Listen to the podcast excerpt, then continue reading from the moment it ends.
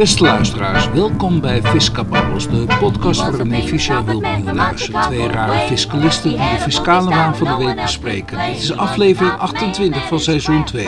Het is vrijdag 3 november 2023. Zeg, nee, ik moet zo die radioshow opnemen.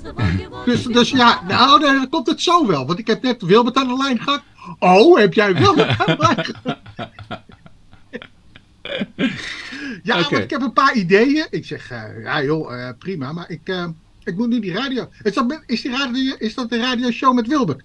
ja, dat is de radioshow met Wilbert. Oh, die heb ik net aan de lijn gehad. Ik Ja. denk, En vervolgens, ploep, het wordt 15 minuten later. Ik denk, nou... Oh. Ja, want ik moest alles nog klaarzetten. Daar had ik helemaal geen tijd voor gehad, dus vandaar. Dus, Ja, ja, ja. ja. Maar ja, we zitten in de uitzending. Hey. Ja. Ah. Nou, ja. welkom in. Hey, we moeten beginnen met de luisteraarsvraag. Nou, een- luisteraarsvraag van Casper.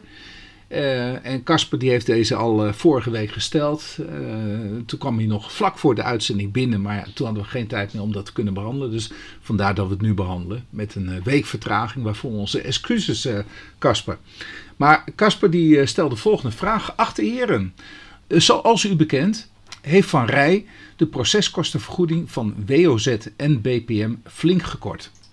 In navolging hierop heeft mevrouw Van Dijk samen met de mede-indieners van der Lee en van Wijenberg het navolgende amendement eh, door de Kamer gekregen in de gekte van de afgelopen nacht. Hè, de, de donderdag eh, zijn er allemaal, eh, gaan we het ook nog over hebben, allemaal amendementen eh, zijn er ingediend en die zijn aangenomen. Ja, maar ook met verstrekkende gevolgen. Met verstrekkende Waaronder dit, hè? Ja, Dit- ja, ja, dit, eh, ja. Ja.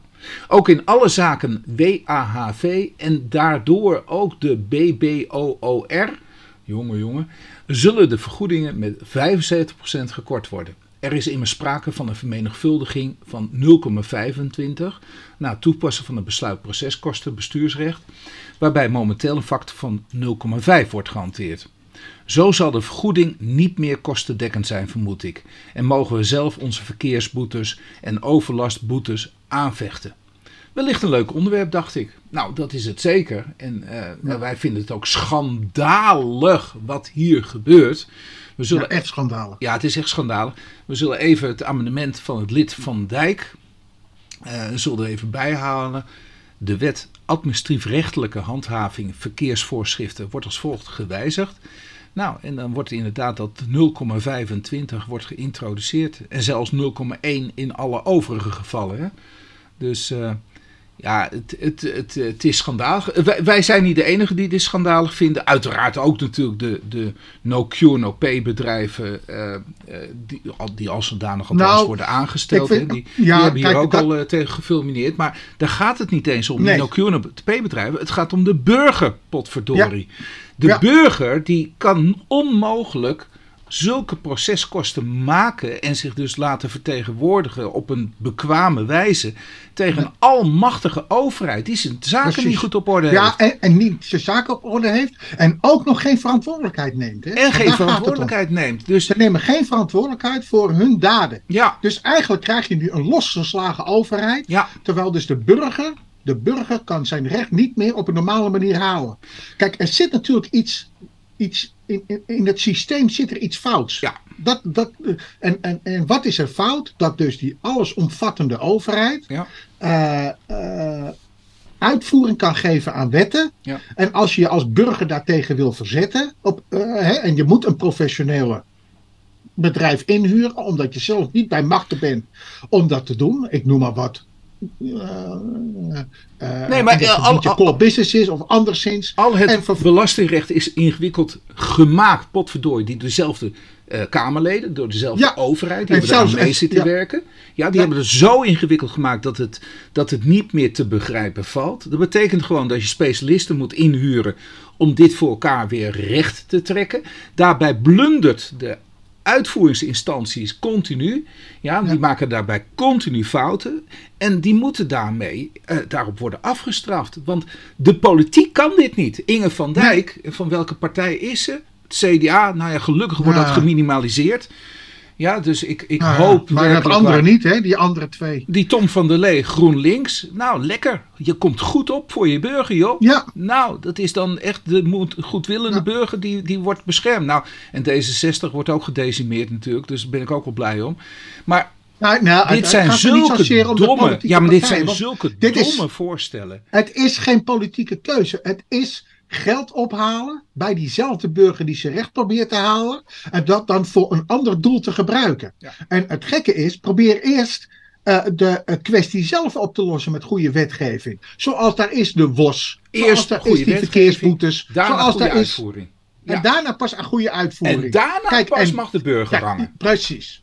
Precies. Kijk, en dit is gewoon de, eh, verkeerd om. Onjuist. En weet je, het zijn juist ook deze partijen Ja. die dus een rotsvast vertrouwen hebben in De eh, overheid. de.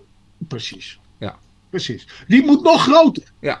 En het moet juist kleiner. Dus ze verwijderen nog verder de burger eigenlijk van de overheid hiermee. En dat is Ja. zo. En het gaat echt Dom. niet om die, om die kantoortjes. Die kantoortjes hebben alleen maar Exact. bestaansrecht vanwege slechte wetgeving. Juist.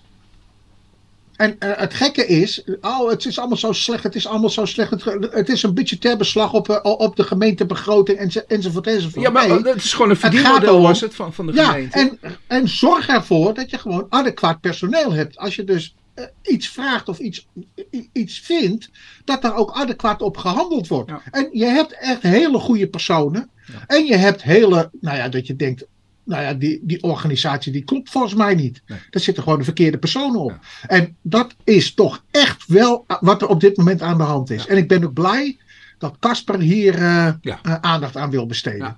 Ja, En, eh, en dat is ook zo. want, want namelijk, ik ben het met hem eens. Het, het, het, het, het, het, het- nou ja, het, het, het, het is niet goed. Het is niet goed. Ook niet voor het vertrouwen van burger richting die overheid. Nee.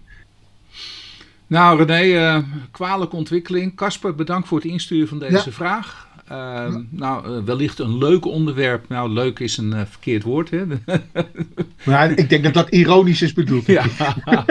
Op zijn zachtst gezegd. Nee, maar je stelt heel terecht deze vraag. En Ja. nou ja, je ziet ook waarschijnlijk wel in dat dit eigenlijk niet kan. Maar de, de politiek die is, is doof hiervoor. Het is met de meerderheid aangenomen ook, hè, René. Dus eh, we kunnen niet alleen deze drie partijen natuurlijk hier, hier over kwaad spreken. Maar eh, het is, eh, nou, shocking. Ja, shocking, ja. Ja, Shocking. nou dan kom ik even nog weer terug op een, een, een eerdere uitzending waar- waarbij jij eh, een procedure hebt gevoerd. En die is, eh, heeft geleid tot een uitspraak. En, en nu heb je toch nog even de gecorrigeerde uitspraak naar me toegestuurd. Wel, wel leuk om te melden, toch? Vind je niet? Ja, zeker, zeker. Ja, ik weet niet meer of, of wij die uitspraak zelf hebben behandeld. Eh, dat, Nou, die we hebben van- wel heel vaak gehad over jouw wo. Ehm, Ja, maar dit gaat Verzoek. over de ingebrekenstelling, omdat eh, in dit geval de gemeente Opmeer, die, eh, ja, die op een woonverzoek, ja, gaan ze niet op reageren, of althans inhoudelijk niet, dus ze nemen geen besluit.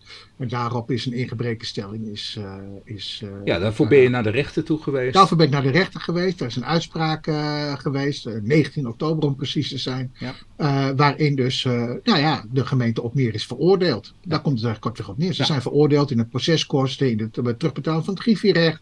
En er is ook een eh, dwangsom opgelegd. En, en, eh, en daar gaat het om dat eh, in de uitspraak stond.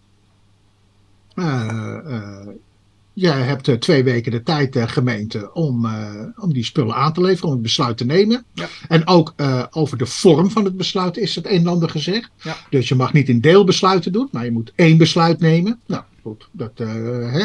En vervolgens, nou ja, ja, volgens mij had ik ook verteld dat we toen een hoorzitting hadden. Ja. En de dag van tevoren kwam de tweede, eh, eh, het tweede besluit kwam binnen. Nou, dat is dus ook niet conform deze uitspraak. Ja. Dus ja, de vraag is, eh, ja, en moet, nu moet dan? je daar weer? Ja, weer. Ja, moet je twee keer in eh, beroep omdat je één verzoek in, die- indient. Ja. Dat, is, dat zou toch ook raar zijn? Ja. Dus, eh, nou ja. maar er zat een foutje in die, in de uitspraak, van de rechter. Ja. van de rechter. En wat namelijk in het dictum, zoals jij dat zo mooi formuleert, stond een termijn van zes weken in plaats van twee weken. Ja. Nou, daar moet je dan toch weer voor bellen, Wilbert. Ja. Dus eerst eh, vier keer gebeld. Eh, en ik zou worden teruggebeld. En uiteindelijk ben ik ook teruggebeld hoor. In de zin van, er komt een rectificatie die u aan het eind van deze week ontvangt. Ja. Nou, En kwam. vervolgens niet. Dus die kwam pas op maandag. Want maandag heb ik maar gewoon schriftelijk gevraagd: van, joh, dit is er aan de hand Ja. en wanneer komt het? En ik wil geen nieuwe uitspraak, want anders ver- vervalt die termijn weer. Nou, dus een rectificatie. Ja. Gevolg is, datum blijft staan van de uitspraak, 19 eh, oktober. Daar moet je dus die twee weken bij optellen. Want namelijk ook die 19 oktober geldt voor die zes weken termijn om in hoger beroep te gaan. Hm. Wat overigens een eh, nutteloze exercitie zou zijn. Want namelijk, eh, als dat wordt behandeld bij de Raad van State, nou dan ben je al over die zes, nou ja, over, de, ja, over alle termijnen heen, bij wijze Ja. van spreken. Ja. Maar goed, in ieder geval, eh, dat vond ik wel netjes van de rechtbank dat ze dat toch uiteindelijk eh, hebben gedaan. Ja. En waar het mij op, eh, en, en overigens, belanghebbende heeft natuurlijk ook zijn verontschuldigingen gekregen van de rechtbank. Ja, Nou, ik, dat bied, vond ik wel ik bied u mijn verontschuldiging aan voor het ongemak. Ja, Punt. dat is toch ja. netjes? Ja, nee, is netjes. En nou, ik, ik, ik zat er nog wel even mee hoor. Van je hebt in de uitspraak zelf staat twee weken heel duidelijk. En vervolgens dan krijg je dictum en staat opeens zes weken. En toen dacht ik, hmm, ja, eh, kun je dat nou zomaar corrigeren? Dat voel ik mij wel af. Dat, eh, kun, je- kun je nou zomaar. Ja, een nou, ik heb dat ook nog nagezocht. Oh. Eh, en als het er echt een kennelijke schrijf- en tikfout is, Oh, kan dat gerectificeerd worden. oh. Dus, dus, dus, en dit dus was een dat kan. duidelijke, kennelijke. Ja, een kennelijke vergissing. Vergissing. Ja, en overigens, dat werd ook direct beaamd hoor, door de griffier. Ja. Die zeggen, oh, dat heb ik niet goed gedaan. Oh. Ja, dus dat is dan een kennelijke verschrijving. Of, eh, Ja, en dan val je kennelijk, of dan val je dus mogelijk ook in de tik. En, maar Ja. dit, dit, dit is eh, geformuleerd, dus dit Ja. kan. Ja.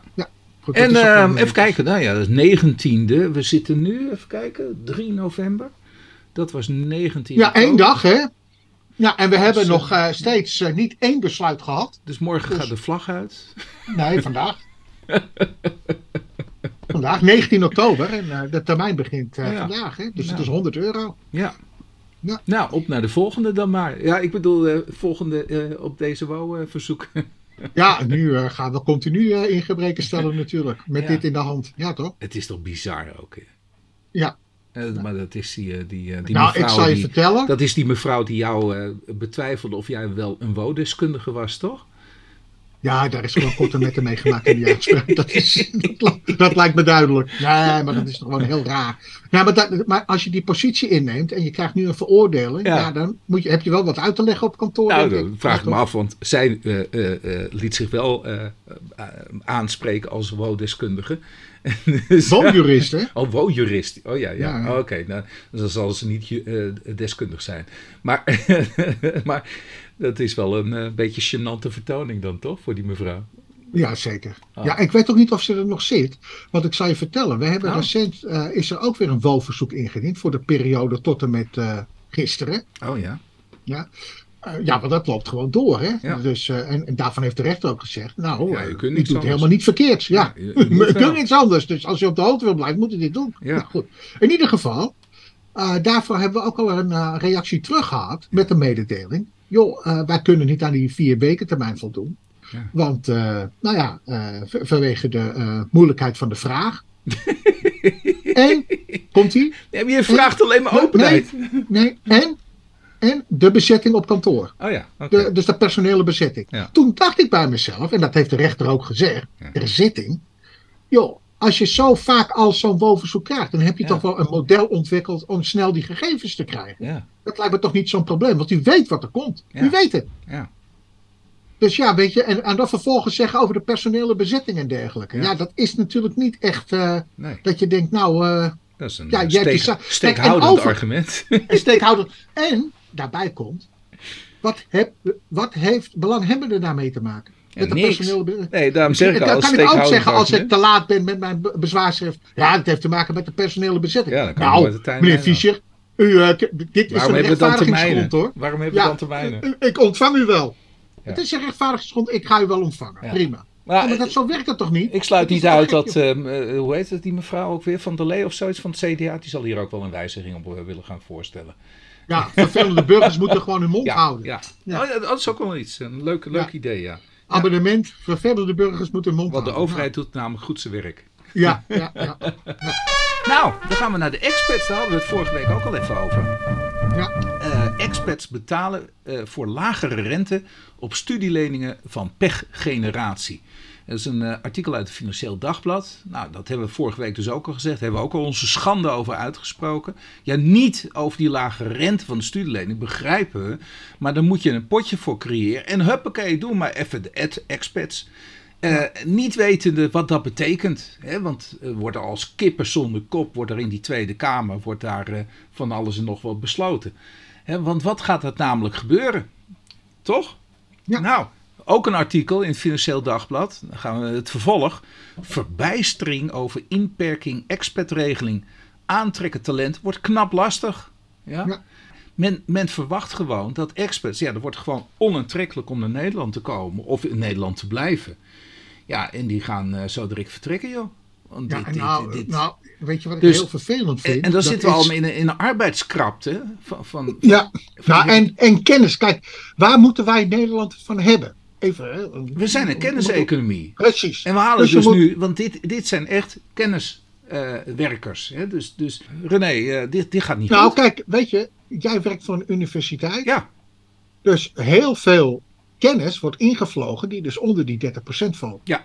Dus, eh, en dat, zal, dat zal bij jouw universiteit niet anders zijn. Zeker, eh, eh, nou ja, zeg maar de technische studies en dergelijke, die, die toch al allemaal in het eh, Engels worden gegeven. Ja. Daar worden heel veel eh, eh, techneuten worden ingevlogen om Ja. in Nederland les te geven. Die hebben ook nog eens een keer andere problemen als je bijvoorbeeld Amerikanen hebt. En, en daar komen we ook nog over te spreken. Dat ook al die andere wetgeving eh, aanpalend, die, gaan ook, eh, die worden ook op de schop genomen. Ja. Dus het wordt steeds ingewikkelder voor, eh, om, om expert binnen te halen. Althans, voor zover je dan die portemonnee wil trekken. Weet je, wat je nu krijgt is dat Nederland, en dat voorzie ik ook, door dit soort snelle keuzes die gemaakt worden, niet doordachte keuzes die gemaakt worden, Ja. dat je dus een inbreuk maakt op het idee dat wij een kenniseconomie zijn. Ja. En overigens, wat ook zo is, is dat in onze omringende landen soortgelijke faciliteiten zijn. exact. En dan vraag ik me af van wie verzint dit? Ja, nou, de hele Tweede Kamer op de VVD En- na. De, het kabinet heeft Eindelijk, al eh. aangegeven. We hebben een keuze gemaakt. Want het is al een plafonnetje in. Hè, in Ja. die, eh, overigens ook heel raar. Want namelijk je wil juist. eh, die 30% is er bedoeld om topmensen binnen te halen. Ja. Dat was eigenlijk het idee. Hè? Dus, en daar moet je meer voor betalen. Maar nu is die al afgetopt op de balken en de norm. Toen hebben ze gezegd van nou, nu stoppen we ermee eventjes. Tot, om dat evenwicht te doen. Nee, in een avond wordt even dit ook aangepast en zo versoberd. Ja. Dat het eigenlijk weinig aantrekkelijk is. Ja. Ja, en, en ook, hè, ik bedoel, iedereen die denkt aan de maakbaarheid van de maatschappij. Dus even eh, Pieter Omzicht ook, hè, die snapt dit ook helemaal niet. Die zegt, ja, want ze worden bevoordeeld. Eh, daardoor is er toch al op deze krappe huizenmarkt is er minder ruimte. Eh, Kunnen zij makkelijker dus aan woonruimte komen. Het wordt er allemaal met de haren bijgesleept. Ja, dat is het- ook geen argument. Het slaat echt gewoon helemaal nergens om. Dat verschil jaagt volgens de indiener van het amendement Pieter Omzicht de huizenmarkt naar de galamiezen. Ja, kijk, eh, er wordt niet over nagedacht. En daar geef ik Van Rij wel gelijk in. Het is allemaal op één avond beslist. En er is niet goed onderzocht. Want namelijk een onderzoek voor wat betreft die eh, 30% regeling. Die moet nog beginnen. Ja, maar Van De, Rij, de die, vorige wijzigingen. maar Van Rij die had zijn De eigen, CDA, evaluatie. Van Rij had zijn eigen CDA dus niet eh, goed eh, Nee. onder controle. Hè? Nee. Nou. Ehm, ja, deze had je ook ingestuurd. Een, eh, ook weer een Financieel Dagblad artikel. Voordeel van 30.000 euro door fiscale geboortepolitiek zit er niet meer in. Nee, nee. En waar gaat dit over? Dat is over die afschaffing van die inkomensafhankelijke combinatiekorting. Want die zou dus per 1 eh, januari 2025 verdwijnen. Mhm. En nou ja, je begrijpt, er zijn ze- mensen die zich toch hard hebben gemaakt om dat weer in stand te laten. Ja. En, eh, en, en, en eh, afbouwregeling weer in te bouwen. Ja. Nou, dat is het eigenlijk. Ja. En het gekke is, dat had ook. kijk, en dat, dat geld moet ook weer ergens vandaan komen, Wilbert.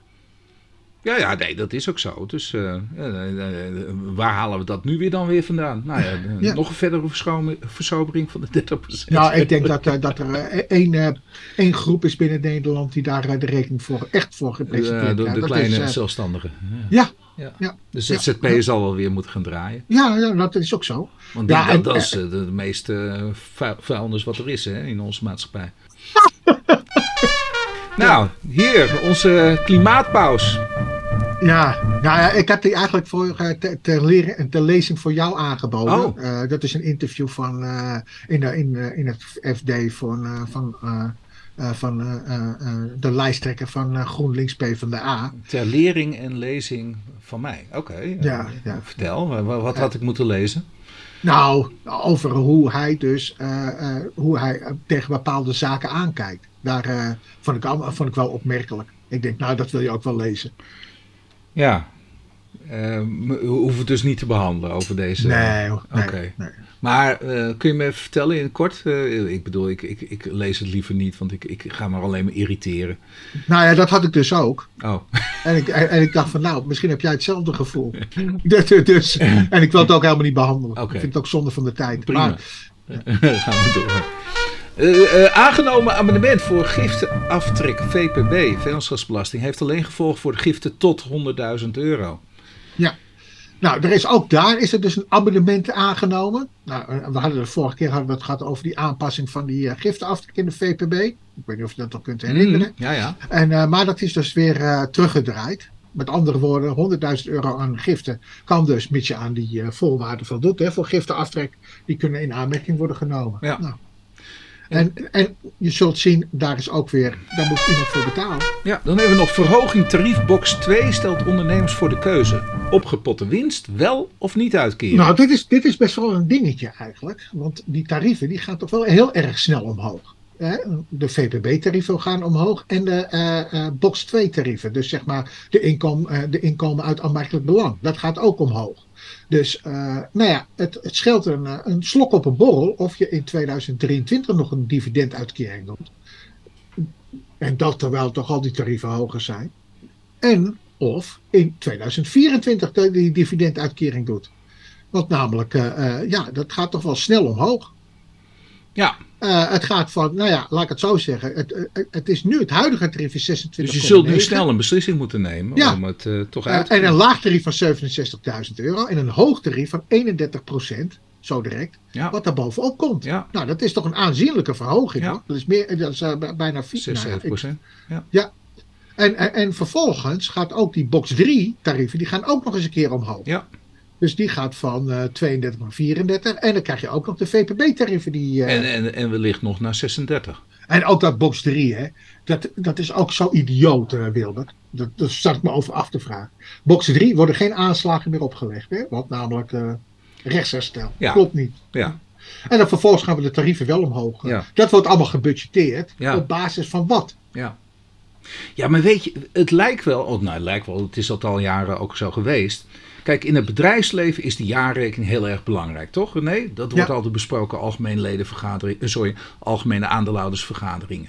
Maar als je kijkt naar de politiek eh, en je kijkt naar de begroting en de jaarrekening, hè, waar de begroting voor een, bedrijf wat minder belangrijk is dan, dan de daadwerkelijke cijfers, althans zo zie ik het dan. In de politiek is het omgedraaid. In de politiek draait alles om begroting. En of begrotingen worden gehaald, Ja, dat is pas. eh, dat- daar kijk ik best achteraf eh, naar. Er is ook helemaal geen rekening en verantwoording op. nu- Nou, die is er wel, want dat gebeurt Ja. altijd in mei, juni en zo. Ja, maar, mei, juni, maar ja. totaal geen, geen aandacht wordt eraan besteed. Nee, nee. En, en dat vind ik altijd wel heel frappant. Als- Alsof de rekenmeesters het altijd bij het juiste eind hebben met een begroting, terwijl die begrotingen nooit gehaald worden. Ja. Dus dat vind ik heel merkwaardig altijd in Nederland. Maar oké, deze. Deze, ja. Kijk, Dus, dat is een hele waslijst. Sorry, luisteraars. En het, en, en het is een hele waslijst van abonnementen. Die, eh, die wil ik toch nog wel even kort eh, er doorheen. Hè, dus, dus we hebben het al over, die, eh, over dat toptarief box 2 gehad. Wat, wat wordt verhoogd. Toptarief van box 3 wordt verhoogd. De afschaffing van de, van de giftenaftrek. Maar nu komt de dekking. De dekking luidt waar, komt, komt dat, waar, komt, waar wordt dat geld vandaan gehaald? Door eh, eh, het maximumbedrag van het excessief lenen van 700.000 naar 500.000 euro te verlagen. Dat is maar liefst 200.000, Wilbert. Ja. En wie moet er, en overigens, het is het geld van de BV, hè? er was eigenlijk niks aan de hand. Maar goed, kennelijk eh, vindt men dat ook, dat daar eh paal en perk aangesteld moet worden. En je begrijpt, als het in deze mate ook wordt verlaagd, dan mag op een gegeven moment mag de DGA al helemaal geen geld meer van zijn BV lenen. Dat begrijp je natuurlijk wel. hè? Ja. Want dit is ook weer een knop waaraan gedraaid wordt. Die inkoopfaciliteit voor de dividendbelasting, dat gaat er ook eh, komen. De MKB winstvrijstelling wordt gehalveerd. Vrijstelling die gaat nu naar 13,31 procent. En hier komt het ook in het kader van die expats. De buitenlandse partiële belastingplicht wordt ook weer eens afgeschaft. Hierbij geldt een overgangsregeling waardoor de laatste expat nog uiterlijk tot en met 2026 gebruik kan maken van deze fiscale regeling in inkomstenbelasting. En wat houdt dat in, Wilbert? Als jij invliegt vanuit eh, eh, eh, het buitenland, dan heb jij, neem je vermogen mee. Ja. En als jij je dus aanmerkt als partieel buitenlands belastingplichtige, dan word je maar voor één inkomensbestanddeel belast. Hè? Dus dat is dat inkomen box 1. Ja. Dan hoef je je box 3 nog niet aan te geven. Ja. Dat is, een, dat is een keuze die de wetgever heeft gemaakt. Ja. Nou, je, je bent maar tijdelijk hier. Dat is ook de, de achterliggende gedachte. Ja, ja. En wat gebeurt er nu? Dat schaffen wij gewoon eventjes af. Ja. Dus al die mensen die hier naar binnen komen. Je gaat dus twee keer nadenken van... eh moet ik Ja, dan krijg je dus ook al die. eh, En wat krijg je dan, Wilbert? Oh, ja, dan moet ik asset stripped, moet ik naar Nederland gaan. Ja. En ben je daartoe bereid om dat te doen? Ja, nou nee. Nou ja, dat is dan de vraag. Hè? De bankenbelasting wordt weer verhoogd, net alsof wij dat niet zullen gaan betalen. Ik Ja. zie al, alleen maar die rekening van kostenbank zie ik alleen maar omhoog gaan. Ja, En het is echt hap, snapwerk. Er zit geen beleid achter. En ik vind het echt best wel verschrikkelijk. Ja. En dan kunnen al die politieke partijen die nu in de Tweede Kamer zitten, kunnen zich dit aanrekenen. Dit wanproduct. Ja.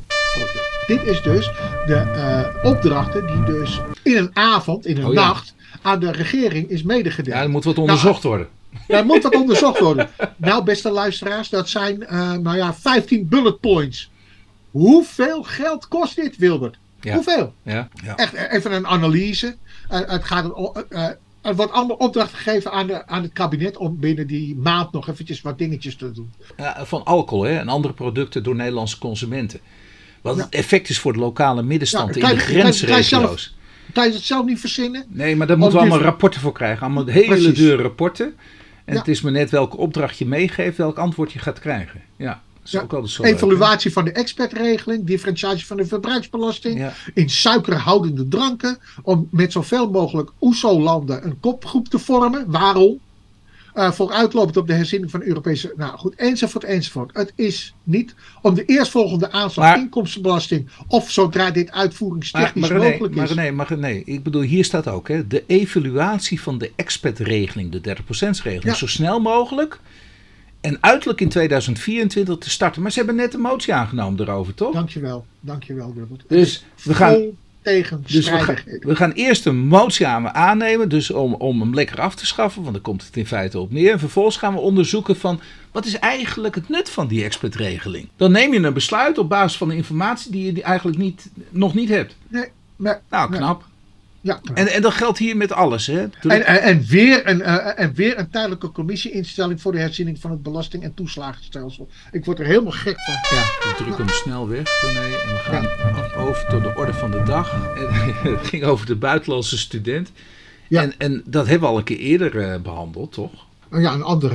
Een andere, ja, een ander, uitspraak. met een andere uitkomst. Een andere uitkomst, ja. Ja, Precies dit dus. Dus ik wil toch even eh, dit behandelen, want ik vind het best wel eh, interessant. dus hier ook. zo de, de inhoudsindicatie. Aftrek scholingsuitgaven buitenlandse student. Maar dan moet je me even vertellen wat er allemaal aan de hand is. Want eh, Nou goed, dit is van Rechtbank Den Haag, 28 juni 2023. Nummer AWB 22 schrap 3188 slash 3188. En het betreft het volgende. Het is een student die ingevlogen wordt. En eh, die moet op het moment dus dat hij gaat studeren, moet hij al zijn schoolgeld hebben afgedragen. En een stukje leefgeld. Dat is een bedrag van, nou pak een beet afgerond, 25.000 euro. Dus dat betaal je al als, eh, aan schoolgeld. Dan verhuis je of verplaats je je woonplaats van waar je woont naar eh, de universiteit, naar de campus. Nou, en dan is natuurlijk de vraag: wanneer ben jij binnenlandsbelastingplichtig en wanneer heb je die uitgave gedaan? Ja. En als je die uitgave hebt gedaan als buitenlandsbelastingplichtige, ja, dan is het een kwestie van jammer. Dan kan je die uitgave niet in, eh, in, eh, in aanmerking nemen. Nou, en en het gaat natuurlijk om de aftrekbare studiekosten. Mhm. En nou ja, wat, wat, wat zegt deze rechtbank? Die maakt er een, een ander verhaal van dan de vorige. Hè? Want daar was gewoon, ja, je, je woont in het buitenland en klaar. Maar hier heeft men gezegd van ja, het betreft eigenlijk een vooruitbetaling uh, op je schoolgeld. De vraag is of dat ook juridisch uh, stand, stand, houdt. Ja. Dus op 21 augustus 2018 wordt hij ingeschreven in het bevolkingsregister. Met andere woorden, dan komt hij in Nederland wonen. Ja. ja. Hij moet leefgeld betalen en uh, uiteraard ook zijn collegegeld. En zijn collegegeld is hoog, 15.000 euro. Ja, ja maar dat is, dat is sowieso uh, is dit het tarief, hè? Ja, ja. En 10.000 euro leefgeld. Hè, dus ja. in totaal 25 mil. En, en dat moest hij dus voor die 21 augustus betalen. Moest, sterker nog, hij moest voor 1 juli moest hij het al betalen. En, en dat heeft hij dus al in februari heeft hij dat betaald. Ja. En op 11 september heeft de universiteit een bedrag van 10.000 euro aan IJzer uh, overgemerkt. Dat is dat, uh, dat leefgeld. Ja. Nou, dan zegt hij ja, uh, hij wil alsnog die 15.000 euro collegegeld die hij dan al betaald heeft in februari die wil hij dan wel verrekenen met het persoonsgebonden aftrek dat erin wordt opgenomen. Ja. En, en dan staat hier de rechtbank toe. Rechtsherstel box 3 moet aansluiten bij werkelijk behaald rendement. Hof Den Haag, 4 oktober 2023, BK 23, schrap 00103. Ja. Nou.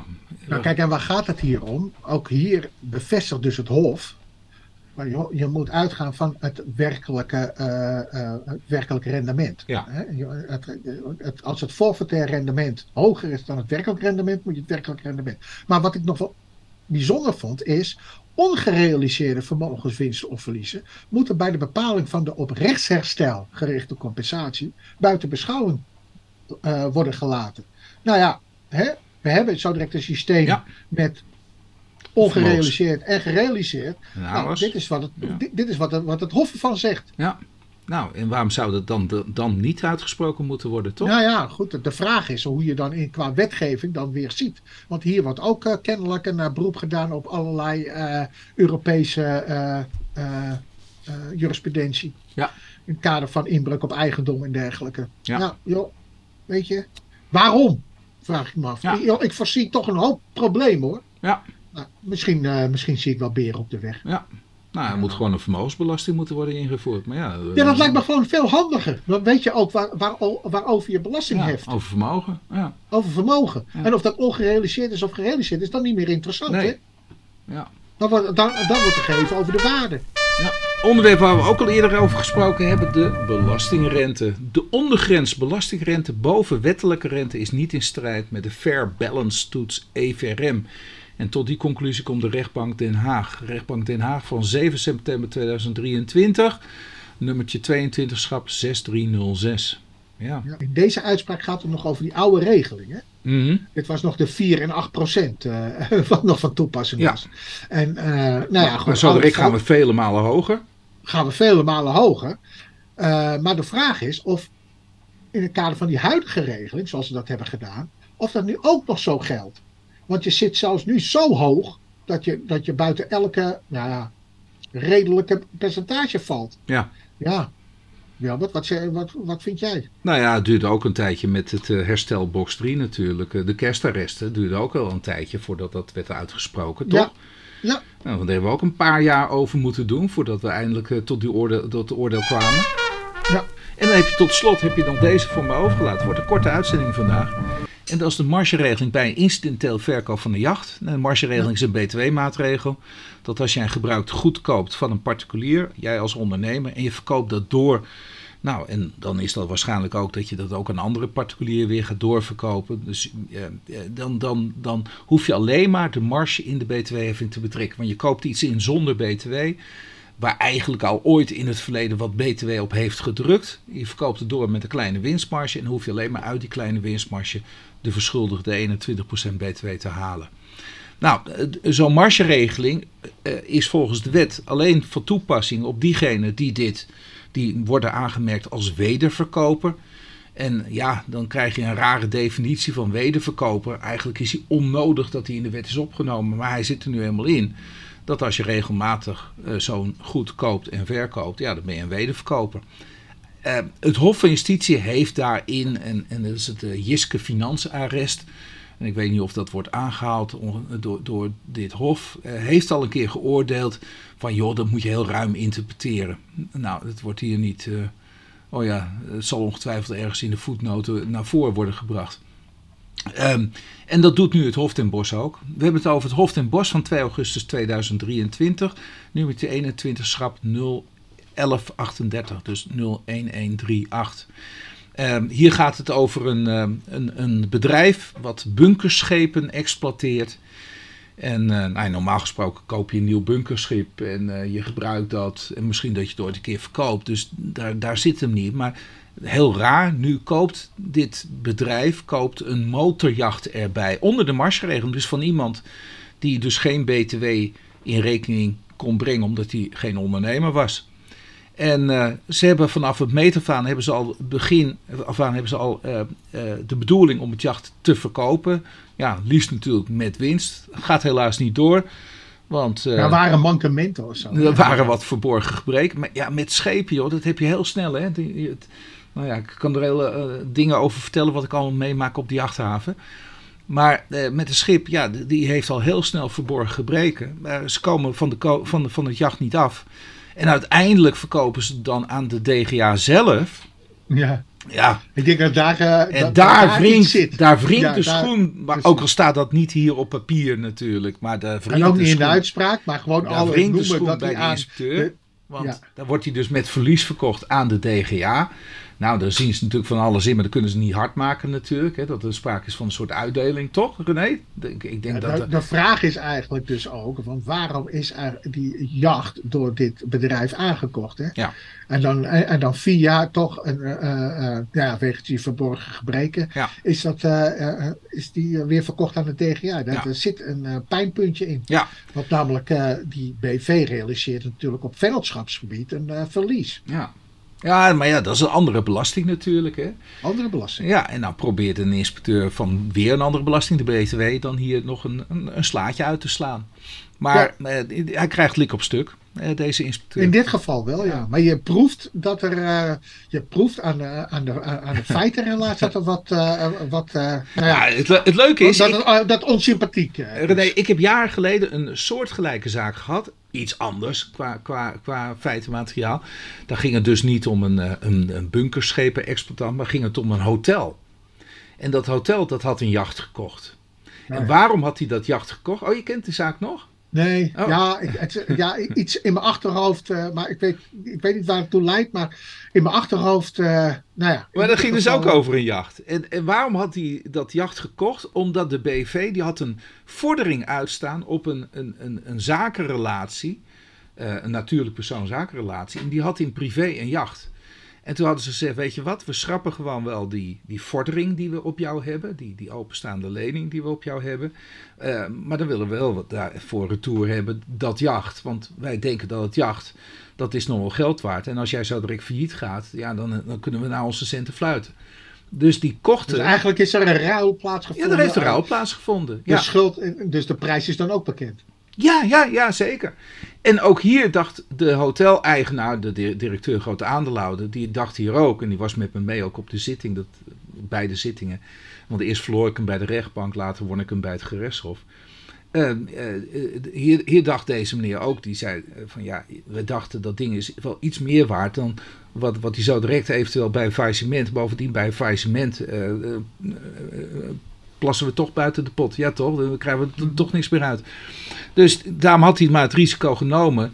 En die had dus die vordering afgeboekt. En eh, nou kreeg dus dat jacht. En die verkocht pas twee jaar later. eh, want ook hier weer een miskoop was dat van heb ik jou daar. Dus ook nog eens een keer eigenlijk met verlies. Verkocht hij dus de boot. En toen zei de inspecteur ook. Ja, eh, volledig belast met btw. Toen heb ik bij het Hof Arnhem eh, weten te bewerkstelligen. Dat was mijn primaire standpunt ook. En dit was mijn secundaire standpunt. Subsidiair standpunt, hoor mij nou. Mijn subsidie, ik, ik verbeter altijd anderen. En dan, Secundair standpunt, Hoor dat mij nou mooi. erg. Die, Dus- eh, die, dus- die ga ik onthouden. Sorry, maar dus mijn primaire standpunt was: eh, eh, je treedt hier niet op als ondernemer, BV. Dit is een stukje een, een, een soort privésfeer, een niet-economische sfeer van, van de desbetreffende BV. En dat kon ik ook uh, uh, laten zien, want uh, iedereen die zei ook van ja, en de kosten die we hierop hebben gemaakt, hebben we ook niet in aftrek gebracht, want het hoorde eigenlijk niet bij ons bedrijf. Wij runnen een hotel. Dit is maar iets incidenteels. We hebben dit nooit beschouwd als, als ja, zeg maar een soort voorraad die we moesten gaan verkopen. Tuurlijk, we wilden het, we dachten het wel met winst te kunnen verkopen, maar het was eerder om, om die vordering zeker te stellen die we hadden. Nou, en, en, en dat heeft het Hof Arnhem wel uh, goed doorzien. En die zei inderdaad, oh. ja, dit, ja, ook geen cassatie door de staatssecretaris. Dus uh, vond het ook. Ja, kwartje had ook de andere kant kunnen vallen, hè? Of het dubbeltje. Ja, maar dan was, dan was ik op het, uh, het subsidiair standpunt teruggekomen. En dat was dit standpunt. Heb ik ook naar voren gebracht. Maar dan is het een wederverkoper. Ja, zegt de inspecteur, maar dit doe je maar. En toen riep hij het woord incidenteel. Dus wat ik riep natuurlijk bij de belastingplicht incidenteel, riep hij dan bij de margeregeling incidenteel. Ja, ja, ja. En dus, mag je, niet, de, en dus ben je geen wederverkoper. Ja, toen zei ik, ja, dat is, dat is ja. Ja, het is het een of het ander, hè? Exact. Nou, ja. Dus vandaar dat ik misschien wel ook gelijk heb. Hey, um, nou, we zijn aan het einde. Ja, hebben we nog post? Nee, we hebben geen nieuwe post. Want anders dan oh, was ik daarmee begonnen met de... Uh, uh, met de post? Nou, daar zijn we ook mee begonnen, toch? Met de luisteraarsvraag. Ja, ja, ja, maar die was al van vorige week. Uh, die was van vorige week, ja, oké. Okay. Maar anders dan had ik hem okay, ook meteen behandeld. Post. Want eerst ja. had het de luisteraarsvragen. En daarna gaan we met de politieke waan. Echte politieke waan. Ja, echt. En, ja, ja. En dan, dan wat, wat fiscaal gerelateerd is. Hè? Politieke waan fiscale waan. Ja. ja. Uh, www.fiscababbels.nl En uh, ja, er rest mij niks anders uh, om te zeggen. Nou, Wilbert. Ja. En luisteraars. Ja. Tot de volgende keer. Tot de volgende week weer. Ja, ja goed. En dan gaan we de volgende keer maar hebben over die naheffingsaanslag parkeerbelasting. Ja. Ja. De gemeente Horen. Ja. Die hadden we Daar gaan we het volgende week over hebben. Oh, ja, is er alweer wat binnengekomen? Ja, ik heb het je gemeld. Je hebt het zelfs nog gedownload. Oh ja, die heb ik. Waarom heb ik hem niet behandeld? Nou ja, gaan we volgende week. Ja, volgende week. Volgende. Nee, we hebben nu. Uh, to, we hebben nu to be continued. Ja, ja, anders, we moeten toch content houden. En overigens, we zijn, nu al onder, we zijn nu al over onze tijd heen. Ja, dus, nu wel. Nu wel. Ja. Oké. Okay. Hey, nee, ik zie je nou, volgende week. En luisteraars, tot de volgende keer. Ja. Wilbert, hoi hoi. Oké, okay, doei doei. Ga je weer zwaaien of niet? Ja, wilde weer. Moet het erin houden.